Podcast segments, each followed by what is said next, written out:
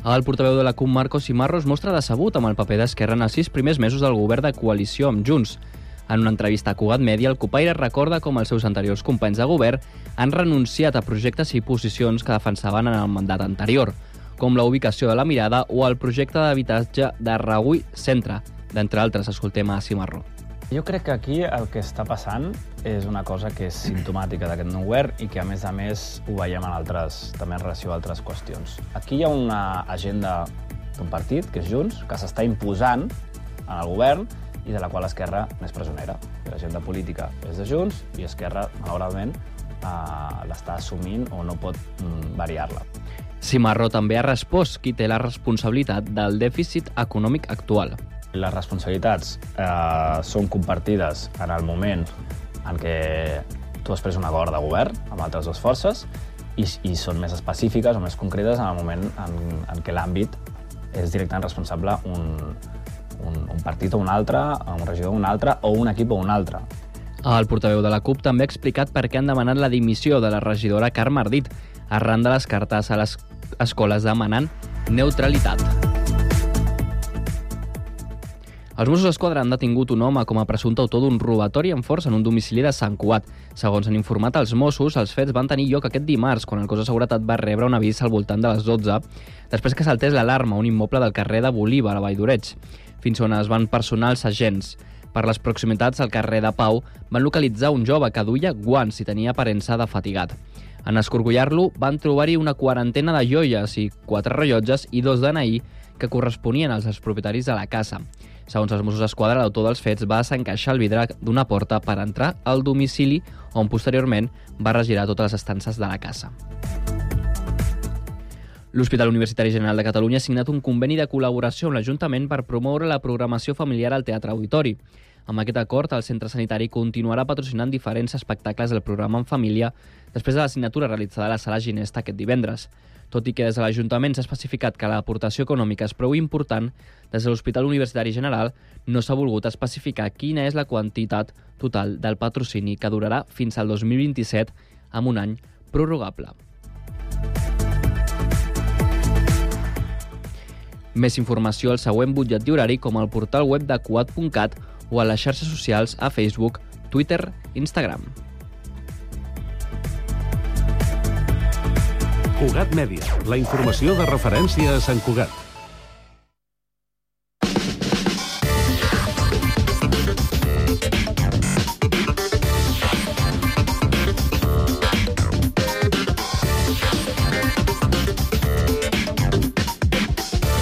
Cinc de la tarda, 3 minuts, inici de la segona i última hora d'aquest Connectats de divendres. I anem amb la informació de servei. Comencem pel trànsit. Eduard Sánchez, bona tarda. Hola, bona tarda. Doncs, de moment, la situació que podem trobar més complicada és a l'autopista P7 per un accident que hi ha hagut a l'altura de Sobirats en sentit nord, en sentit Barcelona. De moment hi ha uns eh, 5 quilòmetres de lentitud amb retencions, queda encara un carrer tallat després d'aquesta topada, aquest accident que hi ha hagut, eh, com dèiem, a Sobirats en sentit nord. També suposem que per efecte Badoc hi ha afectació en sentit contrari, en sentit Tarragona, uns altres 6 quilòmetres entre Gelida i aquest punt de Sobirats, per tant, en sentit Tarragona. A la resta de vies, o a la resta de trams, vaja, ens queda, d'una altra banda, a la P7, una zona de retencions entre Santa Perpètua i Barberà, en aquest cas per un vehicle variat, sentit Tarragona, uns altres 4 quilòmetres. La autovia 2, a la zona de Brera, un pèl més, uh, més lenta, més carregada, en un quilòmetre i mig, dos quilòmetres, en sentit uh, Igualada. També, en aquest cas, les dues rondes de Barcelona, en sentit Llobregat, la de dalt, en el seu inici, del nus fins a la zona d'Horta i en sentit contrari també entre Sant Gervasi i Vallcarca. En el cas de la litoral, sobretot el tram de Poble Nou, de Prim, de Barceloneta, en els dos sentits de la marxa. I pel que fa a la resta de vies, de moment, alguns punts d'intensitat, però sense més complicacions. És tot, bona tarda. Gràcies i bon cap de setmana. Anem ara al Transmet. Àlex Cubells, bona tarda. Doncs divendres, on seguim parlant de normalitat, com la tònica de tota la setmana, els principals operadors no han informat de cap incidència, així que tots els serveis funcionen segons els horaris i freqüències de pas planificades. Seguim, però, amb els dos recordatoris principals de Rodalies, i és que la línia R4 estarà tallada entre Sant Vicenç de Calders i Vilafranca del Penedès fins al 16 d'agost. Aquest tall es produirà cada setmana, de dilluns a divendres, a les següents franges horàries, de 8 del matí a 7 del vespre i de dos quarts de 10 a dos quarts d'onze de la nit. S'ha habilitat un servei alternatiu per carretera entre amb dues estacions. I segon recordatori és per l'R3, que segueix tallada entre Parets del Vallès i el Figaro, efectuant també el servei de manera alternativa amb autobús. I de moment això és tot des del Transmet. No s'espera res especial per aquest cap de setmana. Us seguirem informant.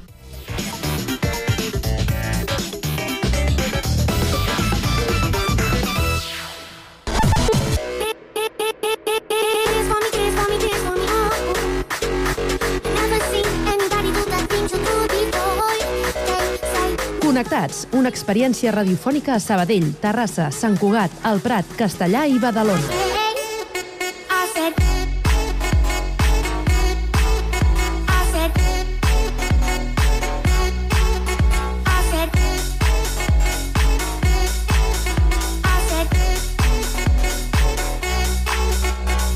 Connectats amb Carme Reverte.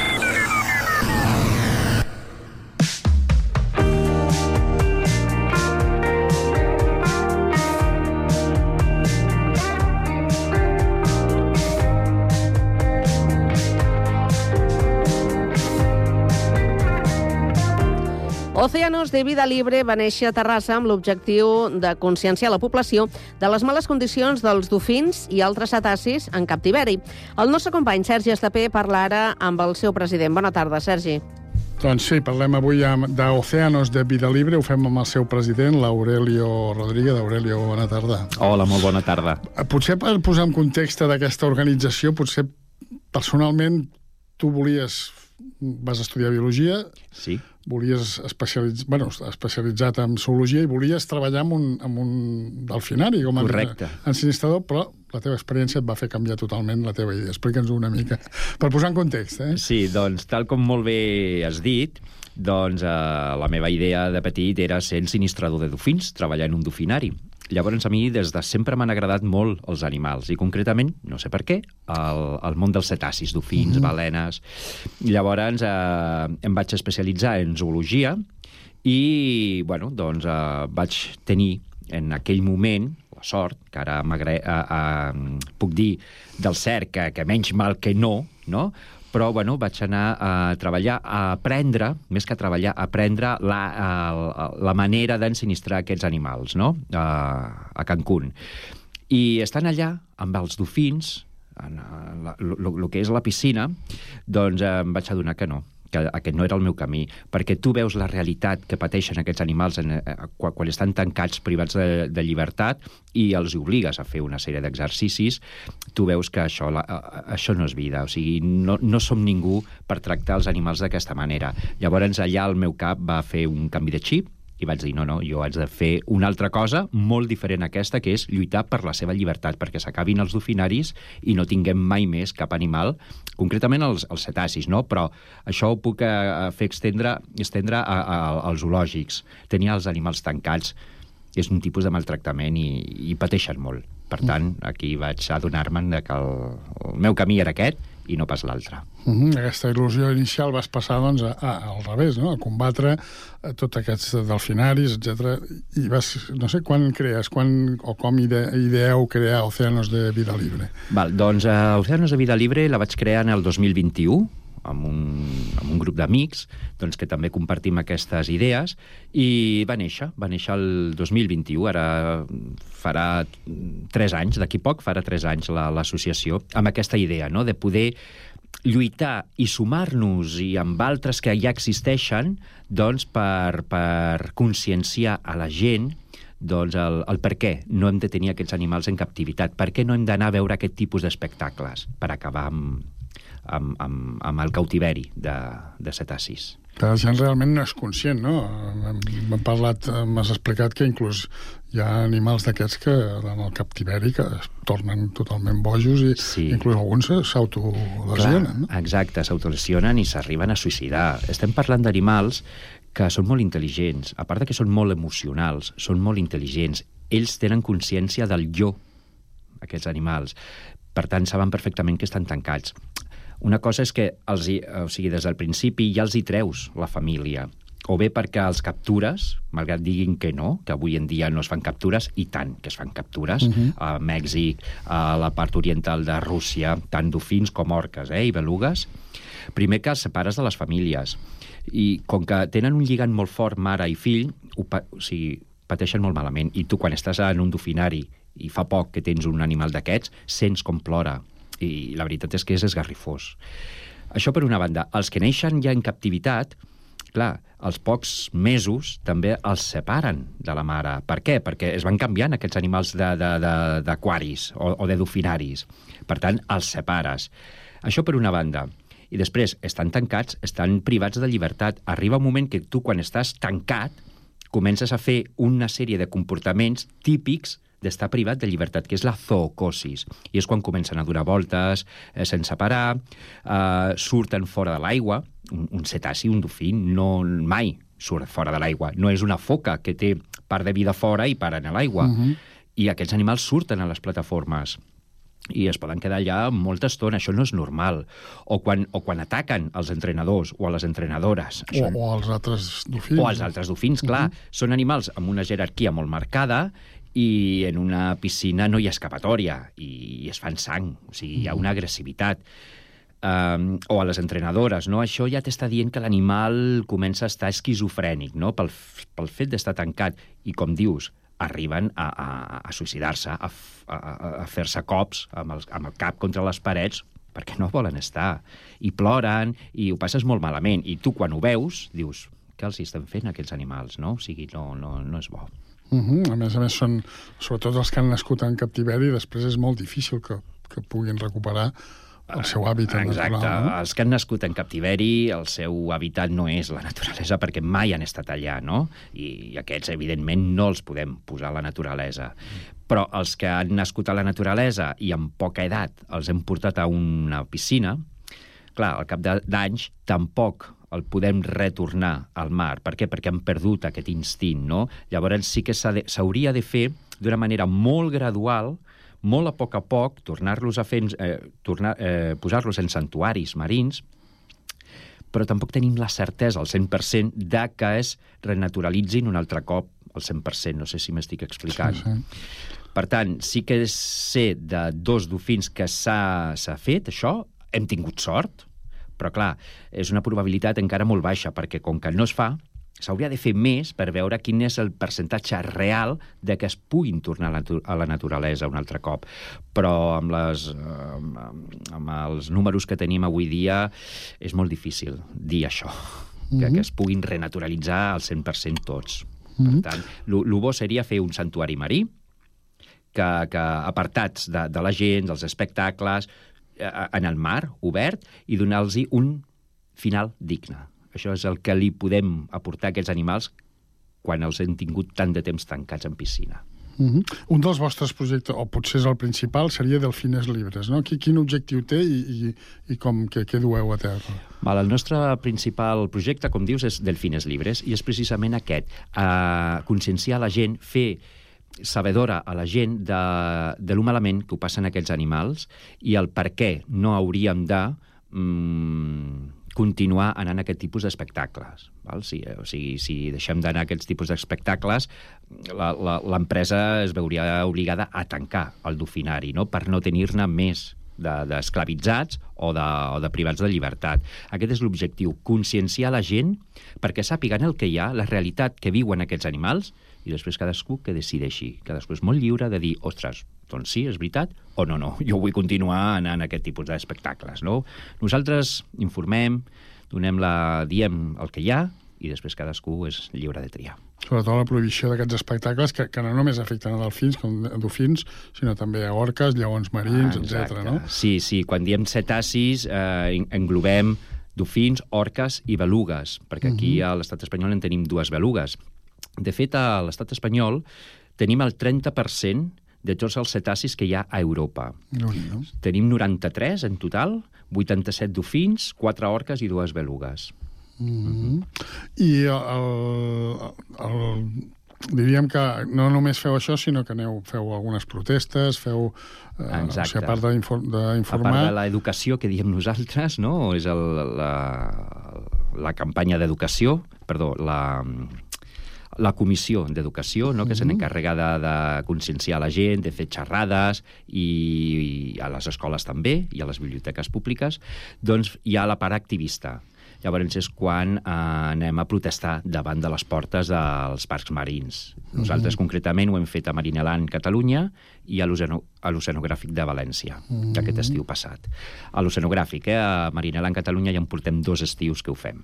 Mm I la gent què us diu? Quan aneu allà, la gent, clar, la gent va Bueno, teòricament clar. a divertir-se, suposo ha- que deu haver de tot, no? Hi ha de tot, sí. Majoritàriament et miren, mm, bueno, i simplement llegeixen els rètols i tal, no sabem ben bé què els hi passa pel cap, no?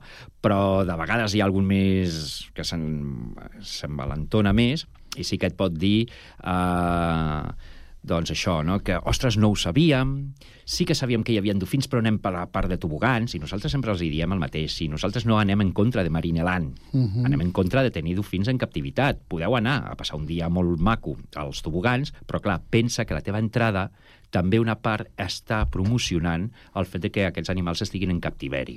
No? Mhm. El fet de comprar l'alimentació, tota la part veterinàrica, o sigui, tu ja estàs pagant. Encara que no hi vagis a veure l'espectacle, tu ja pagues per això, no? N'hi han d'altres parcs amb tobogans sense dofins en captivitat, no? Doncs hi ha gent que et diu això, no? Ostres, no ho sabíem, però hi ha gent que gira cua, tant a Marineland Catalunya, aquí a Palafolls, com al, a València, a l'Oceanogràfic, doncs ens hem trobat a l'Oceanogràfic una família. I aquí, a Palafolls, dues famílies que van girar cua. És a dir, ostres, no ho sabíem, marxem. Anem a un altre parc que no tingui que no tingui dofins, no?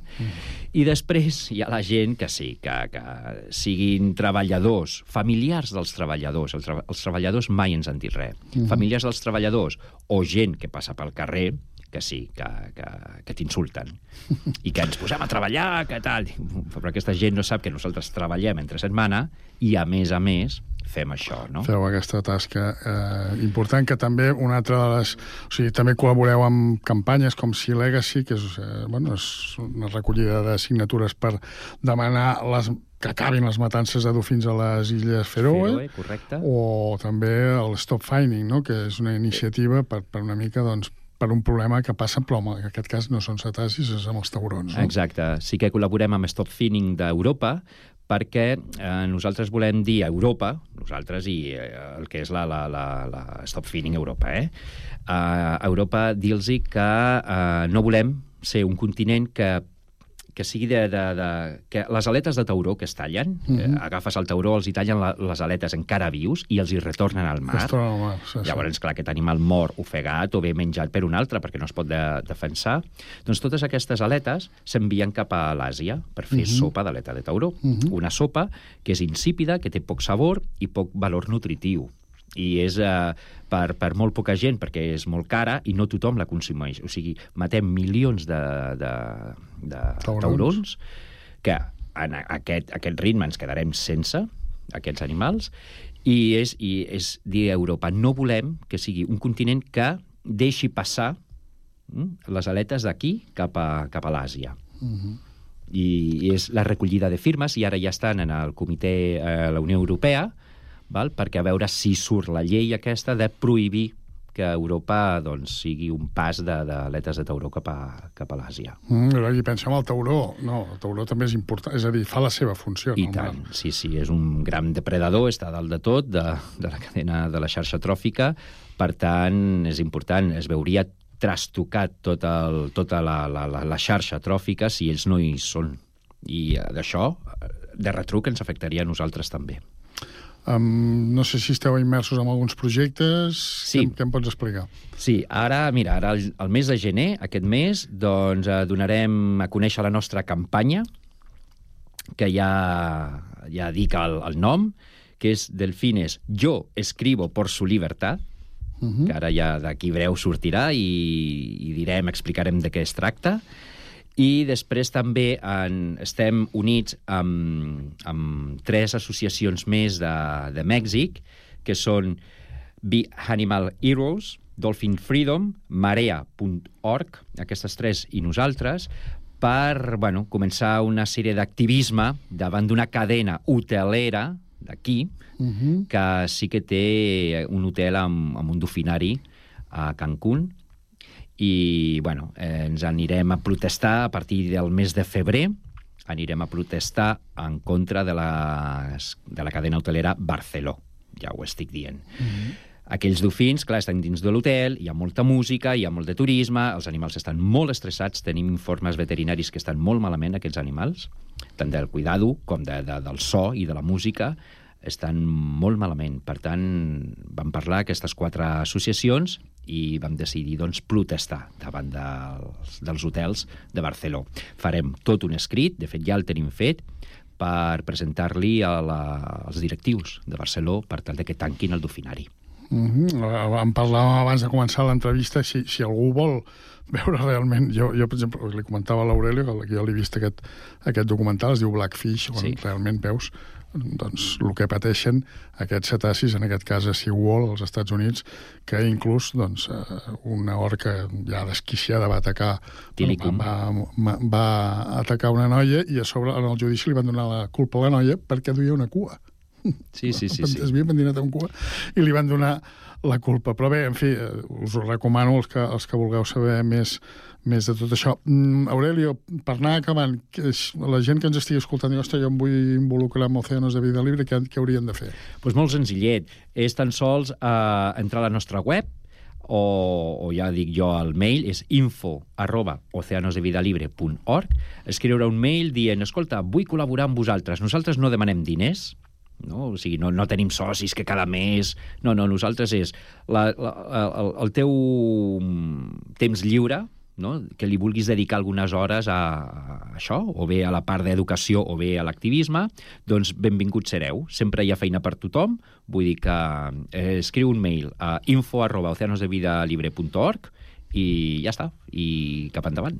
Mm -hmm. En aquest cas, doncs, aquesta organització es dedica a això, no? És a dir, perquè, clar, tots hem sigut petits, tots hem anat a veure aquests espectacles i no, jo de realment, fins que eh, no he vist algun documental o, o he parlat amb, amb l'Aurelio, doncs a vegades no et dones compte o no ets conscient de tota aquesta magnitud de, de la Exacte. tragèdia, en aquest cas, dels pobres sí, sí, cetacis. sí. Aurelio Rodríguez, president d'Oceanos de Vida Libre, moltes gràcies per estar avui al Connectats i eh, in- informar-nos i explicar-nos a què us dediqueu. Doncs moltes gràcies també a vosaltres per donar-nos l'oportunitat de donar-nos veu en aquest sentit i que arribi a molta més gent i, bueno, crear consciència a poc a poc. Gràcies, bona tarda. Bona tarda.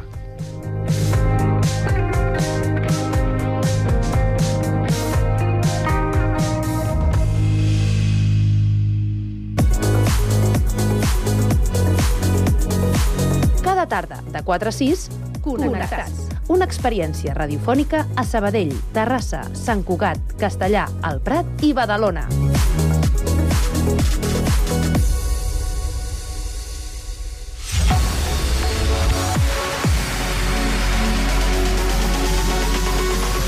Connectats a les xarxes. Efectivament, avui divendres és moment per fer un repàs a allò que ha sonat més i que més ha bellugat per les xarxes socials i és el torn de la nostra companya Sami Fernández. Bona tarda.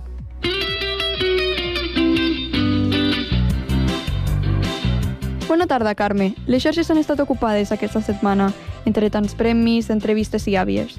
Però comencem pel principi. Aquesta setmana ha estat marcada pels premis a Hollywood.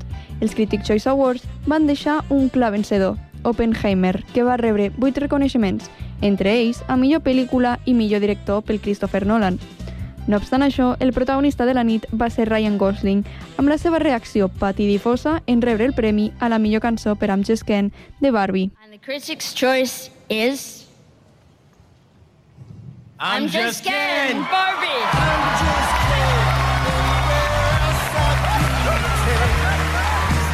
Ràpidament, les xarxes es van emplenar amb el nou mem de l'any. Els usuaris han utilitzat Twitter per debatre sobre aquesta categoria.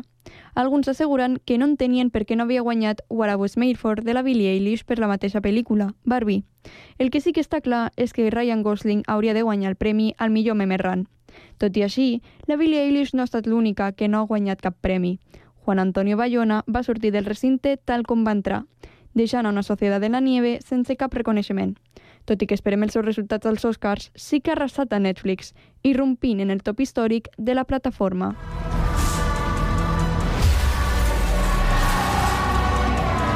Vos tenés las mejores piernas del equipo.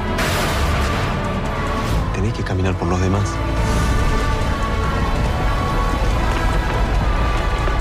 Actualment, Bayona i els actors de la pel·lícula es troben en una gira de promoció, on han estat entrevistats pels actors Javier Bardem i Tom Holland per parlar de la transcendència de l'audiovisual.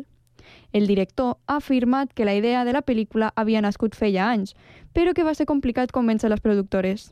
Primerament, era un projecte en espanyol, amb actors locals i poc reconeguts, i a més explica una història que ha estat contada milions de vegades. No obstant això, aquesta pel·lícula ho fa d'ús d'una manera molt més nova. Es centra en donar veu a les persones mortes en l'accident. No mostra els supervivents com herois, sinó com persones. Són persones que es van trobar en una situació extrema i van haver d'actuar. Al final, la pel·lícula recorda que l'important no és la història, sinó el que fas amb ella.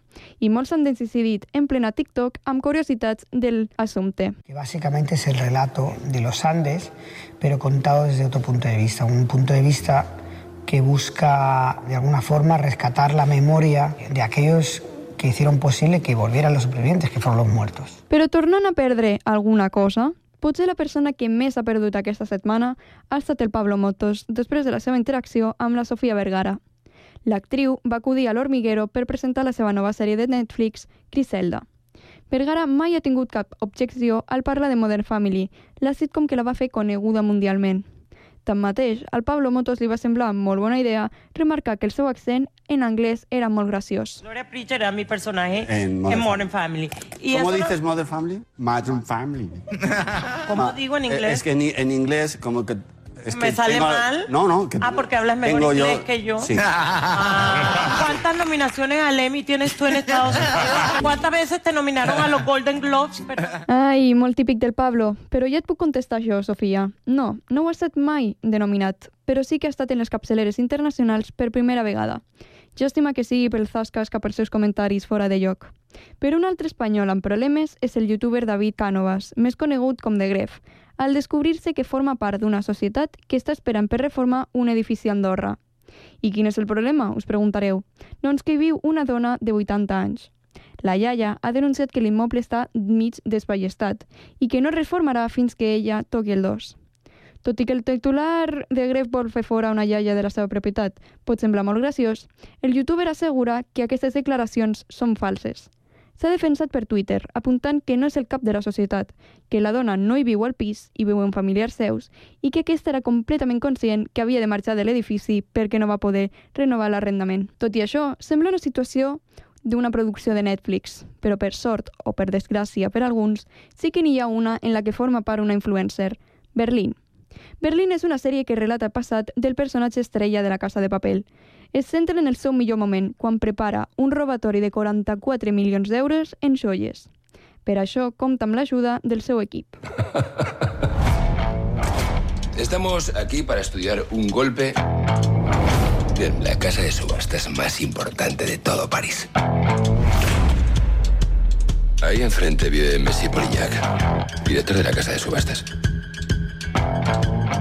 Masi Rodríguez, una actriu de doblatge i un personatge conegut en les xarxes socials per participar en els directes de la seva parella, Lillo Juana Twitch, és Susi. Susi és la millor amiga de Camille, la dona amb la qual està obsessionat Berlín i que complica els plans de l'atac de la seva banda. Los españoles cometieron un robo con destellos de genialidad. ¿Quién quiere un amor confortable? Apostar. Todo o nada. La Masi és una dona ocupada, perquè també presenta, conjuntament amb la Xenoa, Operació Triunfo.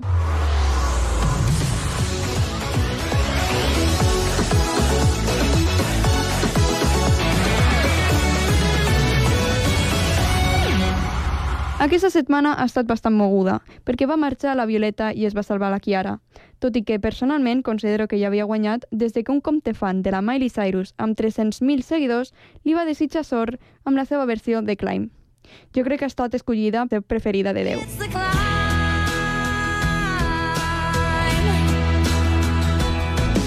Qui sí va estar escollit per ser preferit va ser el Juanjo, que va fer la seva primera actuació en solitari.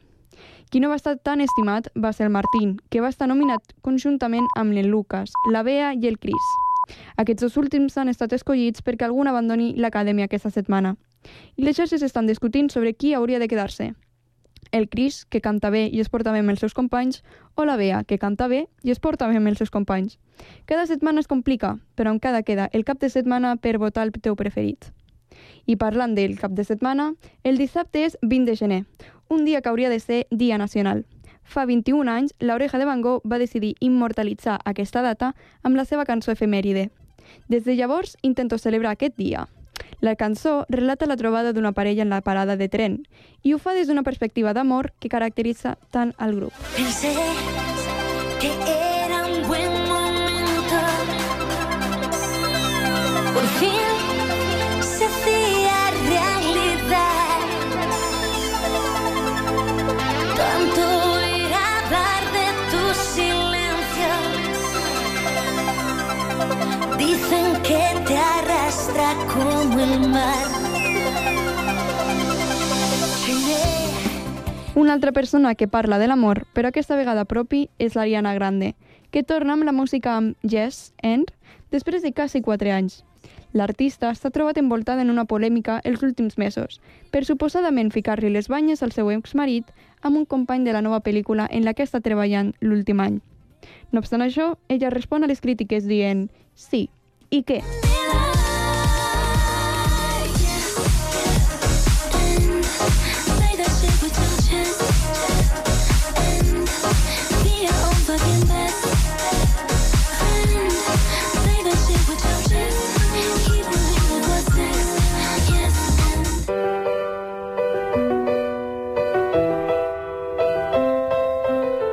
I parlant d'amor prohibits, rememorant m'he adonat que aquest any farà 20 anys des de que es va crear The Office.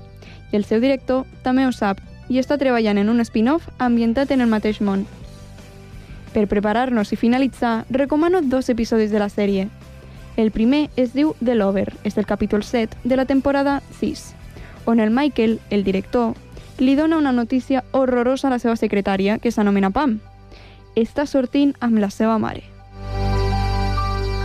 Part of the problem is she's the mother of a close friend of mine. Oh. More than a friend, a coworker. Oh. Gossip. Who is it? Who is it? Who is it, Michael? Finalment, Stress Relief, capítol 13 de la cinquena temporada. Considero que és el millor eh, capítol de la sèrie. I no solament ho dic jo, sinó que també ho diuen els professionals, perquè és un dels episodis millors valorats de la sèrie. En ell, Dwight, un treballador, decideix crear un fals incendi que escandalitza a tota l'oficina i li provoca un atac de cor a l'Stanley, un altre treballador. Els dirigents decideixen convidar a una professional perquè els ensenyi primer auxilis. Attention! Employees of Dunder Mifflin! This has been a test of our emergency preparedness. There is no fire, it was only a simulation. What? Fire, not real, this was merely a training exercise. I fins aquí la secció. Ens escoltem la propera setmana. No oblideu de desitjar als vostres familiars feliç 20 de gener i votar el vostre preferit d'Operació Triunfo. Tengo aquí bajo el vestido bien escondiditos tus besos malditos. Mariposas que al alba de regreso a casa se venían conmigo. Yo tengo aquí bajo la cama cada madrugada que la deshicimos. Tengo tantas cosas y ninguna está en su sitio. Tengo aquí dentro de un vaso la primera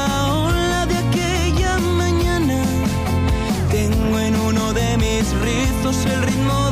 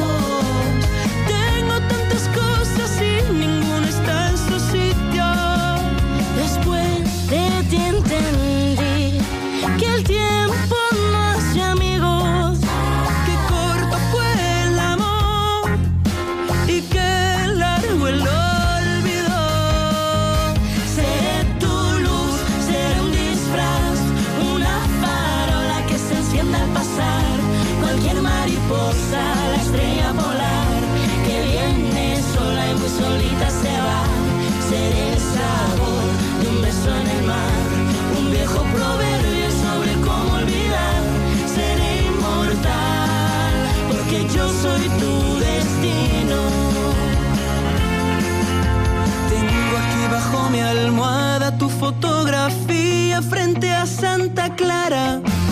Dice más que mil palabras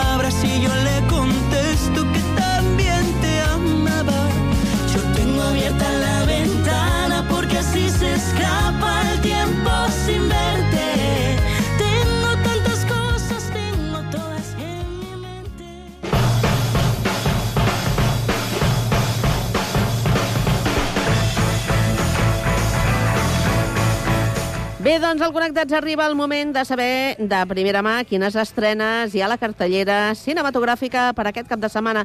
I ho fem amb l'habitual secció de cinema dels divendres. Sergi Estapé, bona tarda. Bona tarda. Comença la secció de cinema del Connectats.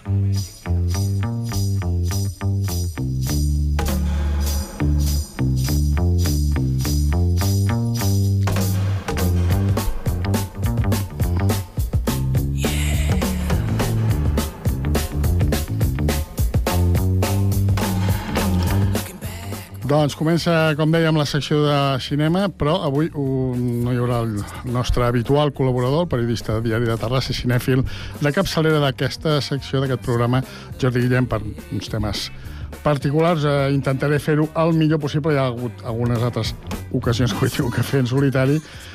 I començarem, eh, doncs, com sempre, comentant cinc pel·lícules que destaquem de les, que, eh, de les poques, no, no hi ha moltes estrenes aquest cap de setmana. Començarem a França amb una comèdia, es diu Felices 50, i és una comèdia que va d'un grup d'amics que volen... Eh, bueno, es preparen per celebrar el 50 compleanys d'un, que es diu Yves, eh, a Grècia, no? però els anulen el vol i tenen que canviar de plans i se'n van a la Bretanya, a la mansió familiar precisament de l'Yves, que eh, bé, els hi ha vengut doncs, en els altres, escolta, tu, això és la pera, aquí és fascinant, però, clar, passa un problema, no? Que quan arriben no tot és com esperaven. El director és Eric Levine i els eh, actors principals serien Lambert Wilson, Frank Dubosc, Guillaume de Torquedec, suposo que ho dic bé, i Jérôme Commander. És una pel·lícula, com dèiem, doncs, eh, una comèdia doncs, una mica doncs, basada en el tema de l'amistat i també és una seqüela d'una altra eh, edició anterior, una pel·lícula que es va fer anteriorment, que es deia Barbacoa de Amigos. No sé si l'heu vista, però eh, si l'heu vist, doncs, és la típiques comèdies aquestes franceses on doncs, els personatges doncs, van liant una mica la troca. Farem una cosa, escoltarem una mica d'aquest Felices 50. Natalie, ¿a qué te dedicas ahora? Me apunté a un curso de escultura. O sea, sigues sin trabajar. Me ha picado una avispa. Una sola avispa en Bretaña y va directa a mi huevo. Valentina tiene un primo al que le picaron en sus partes como a ti. Se fue hinchando, hinchando, hinchando y murió. Gracias, Yamish. Doncs aquesta Felices 50, aquesta comèdia, que és una, una seqüela del que, us dèiem, la Barbacoa de Amigos. Marxem al Regne Unit, aquest ca, en aquest cas, però, amb una pel·lícula que és un drama, es diu La zona d'interès, una pel·lícula força interessant, com diu el seu nom, La zona d'interès. És una coproducció entre els Estats Units i el Regne Unit i Polònia.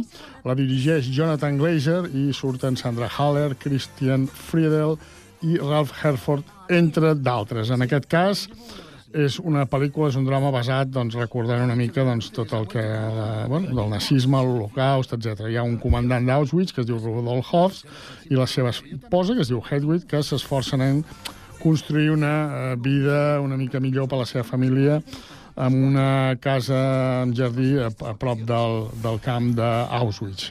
És una pel·lícula que mm, va estar, es va preestrenar al Festival de Cannes, ella va rebre el premi, gran premi del jurat.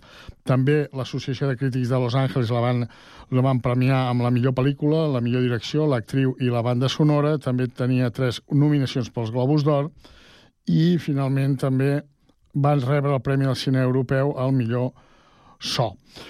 Com dèiem, és una, un drama eh, doncs, ambientat amb el tema d'aquest dels camps de concentració i el nazisme, que ja us hem dit que havia, ha dirigit Jonathan Glazer. Del eh, Regne Unit eh, anem a una pel·lícula estrenada, eh, bueno, que s'estrena aquí, feta per eh, Daniel Calparsoro, el, el director espanyol, amb bueno, actors de gran eh, nom com Luis Tosar, Luis Zaera també, hi ha Aaron Piper, Maria Pedraza, Pedraza, i es tracta d'una coproducció entre Espanya, França, Bèlgica, i és un thriller, una comèdia negra que està basada en fets reals, es diu El Correu, com hem dit, que mm, diríem que se situa l'any 2002 i explica la història de l'Ivan, que és un noi de Vallecas que té molta ambició i que considera que aquest barri, que ja recordem que Vallecas és un barri més aviat, sempre s'ha dit un barri obrer, considera que és petit i ell vol fer eh, coses més, eh, de més envergadura. Ell treballa de parc a cotxes a un club de golf de la capital i eh, de repent es convertirà en un correu belga per una organització internacional dedicada al blanquejament de diners. Primer comença transportant maletins cap a Brussel·les i Ginebra, però ell té, és molt més ambiciós i continua tirant endavant i també vol doncs bé, fer-se amb la seva part d'aquest pastís. Escoltem una mica de, del correu, aquesta pel·lícula de Daniel Calparsoro amb guions de Patxi Amezcua i Alejo Fla. ¿Qué hace un tío de Vallecas en un contenedor que ha viajado desde España hasta Hong Kong con 1.550 millones de euros? Esta historia comienza unos años antes. ¿Puedo confiar en ti? Por supuesto. Todos esos que ves aquí, todos confían en mí. Me convertí en correo belga. Movía dinero negro de Madrid a Bruselas. No te acerques a mi hija. Doncs aquesta pel·lícula, El Correo, amb Luis Tosar, ja sabeu que aquí som molt fans de Luis Tosar i també de Luis Taera, per tant, apunta doncs, que almenys la interpretació d'aquests dos grans actors pot ser una, un motiu per anar al cinema i veure aquesta pel·lícula. Marxem a Venezuela. Ara ens toca un drama de temes d'immigració. És un drama dirigit per Diego Vicentini amb Christian McGaffney, Jana Navarchi, Luis Silva i Roberto Jaramillo.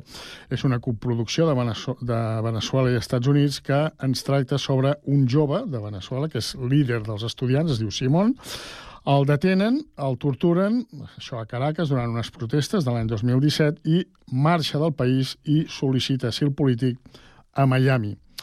La gent d'immigració dels Estats Units li diuen que quan tingui l'asil no podrà regressar, no podrà tornar, perdó, al seu país. Llavors és quan el Simon tindrà que decidir si es queda a Miami i començar una nova vida o tornar a Venezuela per seguir lluitant per la llibertat contra el règim dictatorial que s'ha imposat en aquest país. És una pel·lícula que va estar, estar nominada perdó, a la millor pel·lícula iberoamericana, els Goya, i que també ha rebut alguns premis com a millor pel·lícula, per exemple, el Heartland International Film Festival. És un llargmetratge de 99 minuts que doncs, tracta aquest tema de la immigració i els dubtes d'aquest noi, aquest Simon, per si torno a casa o em quedo a Miami.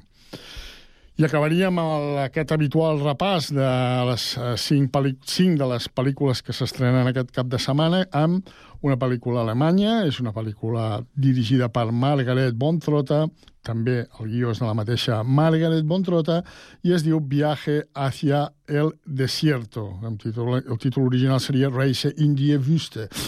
Uh, la protagonista és, és Vicky Krieps i també l'acompanyen Ronald Zeher, Tobias Samuel Reis i Basil Eldebens.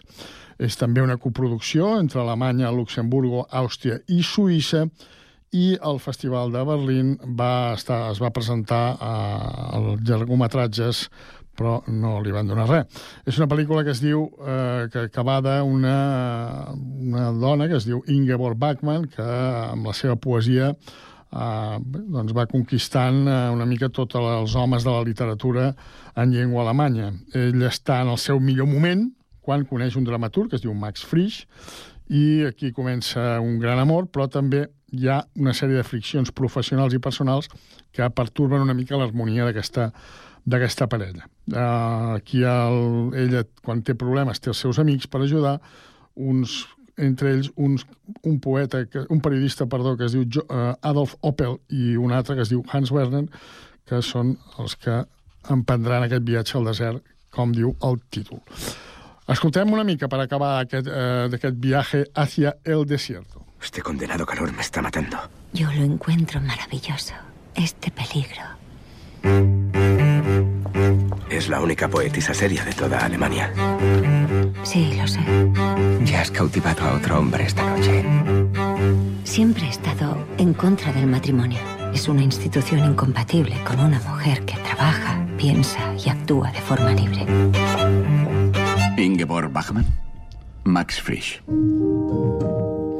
Me fascinó de inmediato. Doncs aquest viatge hacia el desierto, aquesta pel·lícula alemanya amb la qual acabem aquest repàs, però també podeu veure altres pel·lícules que s'estrenen aquest cap de setmana. Per exemple, una, una pel·lícula de romàntica dels Estats Units que es diu Cualquiera menos tú, una de terror feta a l'Argentina, Cuando acecha la maldad, un drama fet aquí, que es diu L'home dels nassos, amb Pablo Derqui, una pel·lícula d'animació feta al Brasil, l'Arca de Noé, Slow, una pel·lícula romàntica feta a un país que a, a, parlem ben poc perquè no hi ha grans aparicions, com és Lituània, i acabem amb un drama fet a Israel que es diu La floristeria de Iris. I com sempre acabarem, acabem, bueno, la recta final l'encarem recordant algun personatge, al, alguna efemèride, alguna, bueno, un aniversari, algun recordatori, alguna pel·lícula quan es va estrenar, etc. I en aquest cas li ha tocat a Johnny Weissmuller, que molts recordareu com el gran Tarzan, no? És, eh, el, és un eh, actor que primer va ser nedador, però hem de recordar que ell va morir el, el, un 20 de gener, en aquest cas de 1984, per tant, demà farà 40 anys que va morir, eh, doncs recordareu que va ser un... potser és el Tarzan més emblemàtic, tot i que ell va ser el sisè actor que va interpretar aquest eh, mític eh, personatge de la selva, no? aquest eh, nano que va quedar per un accident va quedar orfe a la selva, el van cuidar els llops, després es va fer amic del... Sí, aquí el sentiu. Aquí sentiu el, el Tarzan. Eh, bé, ha sigut un... Ara sí que no, però sí que fa molts anys doncs, era, una, una... era recurrent no? fer pel·lícules sobre aquest personatge. Eh, Peter Johann Weissmuller va néixer el 2 de juny de 1904, el que seria l'actual Romania, llavors era l'imperi austro-húngar, concretament és Timisoara, eh, on va néixer. Eh, I va morir, com dèiem, el 20 de gener de 1984. Ell mm, va acabar sent, eh, tenint la, la nacionalitat dels Estats Units, tot i que la seva llengua materna, ell parlava en alemany, i va ser un, uh, un esportista doncs, de, de nivell. No? Ell va guanyar cinc medalles d'or a, les Olimpi a les Olimpiades, als Jocs Olímpics, als anys 20, i una de bronze. No? En total va guanyar 52 campionats nacionals als Estats Units i va establir un total de 67 rècords mundials, déu nhi no? Quan acaba aquesta carrera, doncs, aprofitant aquest, uh, aquest auge, aquesta, aquesta fama, el Johnny Weissmuller comença a interpretar, com dèiem, el, el personatge de Tarzan. Que com a actor mmm, diríem que no seria el millor actor de la història, no? És una persona molt ariàtica, hieràtica, poc expressiva, eh, però bé, feia aquell paper com de... clar, traduït el, el, les pel·lícules en castellà, que és com les vam veure, no?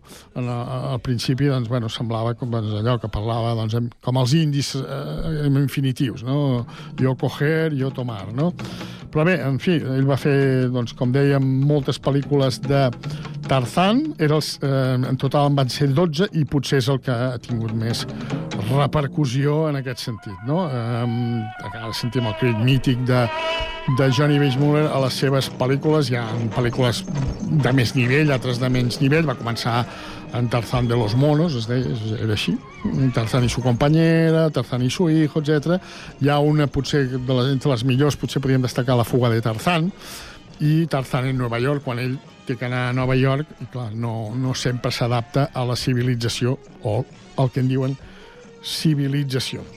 Va morir, com dèiem, el 20 de gener, amb 79 anys, a Acapulco, a, Mex a causa d'un edema pulmonar. Era un, una, ja, era un bon bigardo, eh? feia un 91, i, doncs, com dèiem, a les pel·lícules eh, se'l veia nedar, la seva rapidesa, era un, un home, un atleta de cap a peus. Però mm, també ja voldríem recordar que, mm, i així marxarem amb la cançó eh, de que aquí l'escolteu, és In Dreams, del Roy Orbison, de la pel·lícula Terciopelo Azul, Blue Velvet, de l'any 1986. Demà fa 78 anys el director i guionista David Lynch, recordareu Twin Peaks, qui no l'ha vista, i altres pel·lícules com Mulholland Drive, eh, la mateixa Terciopelo Azul, Dune o L'home elefant. Són algunes de les pel·lícules de les, per les quals ha destacat David que recordem, és, eh, ha fet de director i també de guionista, és a dir, que moltes de les seves pel·lícules les escrivia ell. Marxem, doncs, amb aquest eh, In Dreams de Roy Orbison, que apareix a la pel·lícula Blue Velvet, recordeu Dennis Weaver, en aquella escena en el bar on es canta aquesta cançó. Si no l'heu vista, és una pel·lícula que us recomano. Doncs res, fins aquí és tot. Eh, La setmana vinent tornarem, esperem ja amb la presència del Jordi Guillem.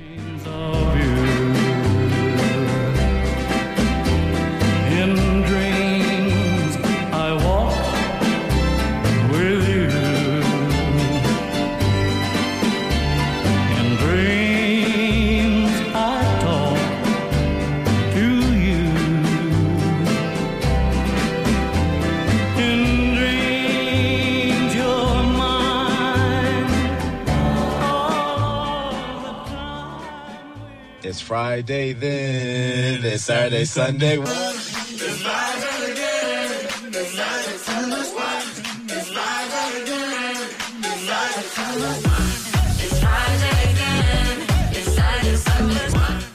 Marxar, temps per repassar l'agenda del Connectats i comencem amb les propostes de Terrassa. Sergi Estapé, bona tarda de nou. Bona tarda, Terrassa. Dissabte, un quart de nou de la nit, i a la sala d'actes dels Amics de les Arts i Joventuts Musicals, tribut al geni amb Àngel Miralles, que es convertirà en l'humorista Eugenio. I diumenge a les 6 de la tarda i a la sala Xavi Sallent, representació teatral amb l'obra Políticament Incorrecta, una comèdia dirigida per Jordi Moreno. Gràcies, Sergi. Anem amb les propostes de Sabadell. Pau Duran. Entrades exaurides pel concert d'aquesta nit a les 8 al Teatre de la Faràndula a càrrec de l'Orquestra Simfònica del Vallès. Gardel, Tangos i Milongas està protagonitzat per la primera violinista Marta Cardona. A més, comptarà amb la intervenció estel·lar de la cantant Sílvia Pérez Cruz. També hi participa Miquel Àngel Cordero al contrabaix, que porta cançons al programa com la primera. Al darrere hi aniran temes d'Astor Piazzolla, Carlos Gardel i Atahualpa Yupanqui, entre d'altres creadors. Els altres quatre concerts d'aquest viatge per les melodies sud-americanes que faran per Catalunya també han exaurit les localitats. Temps ara per conèixer les propostes que ens arriben des de Badalona. Andrea Romera, bona tarda. Bona tarda de nou, Carme. Pel que fa a l'agenda d'aquest cap de setmana a Badalona, aquest dissabte, inauguració de la mostra Forjadors de la Festa a Cremar a la sala Josep Uclés, a les 11 del matí. Enguany, la mostra Forjadors de la Festa se centra en el foc festiu i especialment en la pirotècnia. A Cremar ens proposa un recorregut de pólvora i foc amb diables, bèsties i sotracs sonors com a protagonistes. Uns elements que són ja part indestriable del patrimoni festiu badaloní. I diumenge serà un diumenge de sardanes, perquè Badalona Sardanites celebrarà una nova ballada de sardanes a dos quarts de dotze a la Rambla de Badalona, amb la Copla Marinada. I diumenge, però a la tarda, a les 6 de la tarda, concretament, travessia una estela a l'horitzó, al Teatre de la Badalonense. Un espectacle musical per a tota la família. Seguim el repàs ara amb les propostes que ens arriben des del Prat de Llobregat. Víctor Asensio. Bona tarda, moment ara per fer un repàs de l'agenda cultural d'aquest cap de setmana al Prat, on la música i el teatre són protagonistes. Arrenquem amb el punk rock dels mallorquins Takbir, primer i potser únic concert a la península d'aquesta banda que està duent la seva música contestatària i anticapitalista arreu del món. Takbir no estan sols, amb ells hi haurà l'escenari Traïdora, una banda d'una sola dona, Eva A, que compon i escriu tots els seus temes centrats en migració, queer i trans. Al mateix escenari també hi pujarà Prica, banda de punk valenciana que escup la ràbia, el dolor i l'avorriment fora del cos. La nit de dissabte, a la capsa, la clou Sin Bragas, duo de simpot de Mollet que barregen influències de la música màquina dels 90 amb els sintetitzadors del punk primitiu dels 80. A més, la festa comptarà amb sessions de DJ de la mà de DJ Cemento, DJ Nicotina, DJ Guillotina i DJ Cheva Nao. Les entrades són a 15 euros i mig, 12 euros i mig si les compreu anticipades i 5 euros amb la tarifa joves.prat. I diumenge jornada també amb música però amb una energia força diferent i és que l'artesà estrena Firmamento, de la Veronal. A mig camí entre el teatre, la dansa i el cinema, Firmamento és la resposta de la Veronal al misteri de l'adolescència i la primera joventut, el moment de canvi entre la infantesa i el món adult. En aquest cas, les entrades estan esgotades. Gràcies, Víctor. I ara el repàs amb l'agenda de Castellà del Vallès. Jaume Clapés, bona tarda. Bona tarda. El Club Cinema Castellà Vallès ha programat la projecció de la pel·lícula Creatura per aquest diumenge 21 a les 19 hores a l'Auditori Municipal Miquel Pont. El film l'ha dirigit l'Helena Martín Jimeno i en la seva projecció castellarenca comptarà amb la presència i presentació a càrrec d'Ariadna Dot, productora executiva de la pel·lícula. Gràcies, Jaume. Des de Sant Cugat eh, us proposem teatre, la representació de El Cine. Dani Baker, eh, Marília Samper porta a escena de Flyke, eh, Premi Obi de Dramatúrgia 2013 i Pulitzer de Teatre 2014, un drama còmic que transcorre en un vell cinema analògic.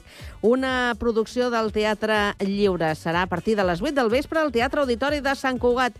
I per diumenge, a partir de les 9 del matí, celebració de la Rua dels Tres Toms, Sant Antoni Abat. A partir de les 9, esmorzar de pagès al Parc de Ramon Bernils. A les 11, inici de la Rua dels Tres Toms eh, des de l'Avinguda Pla del Vinyet. A les 12, benedicció de la cavalleria al passatge al passeig de Francesc Macià i a partir de la una del migdia arribada a la plaça de Barcelona i rebuda institucional. again.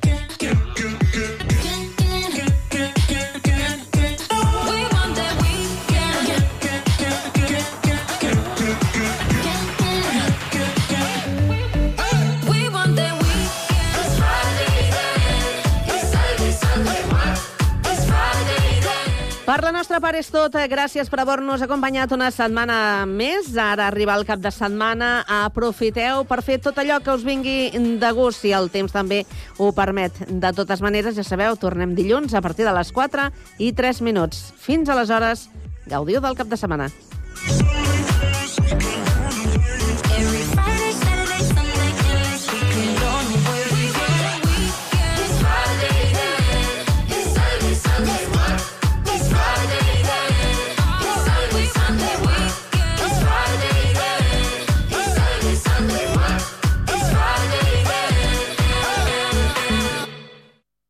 La banda sonora de la teva vida a Ràdio Sant Cugat.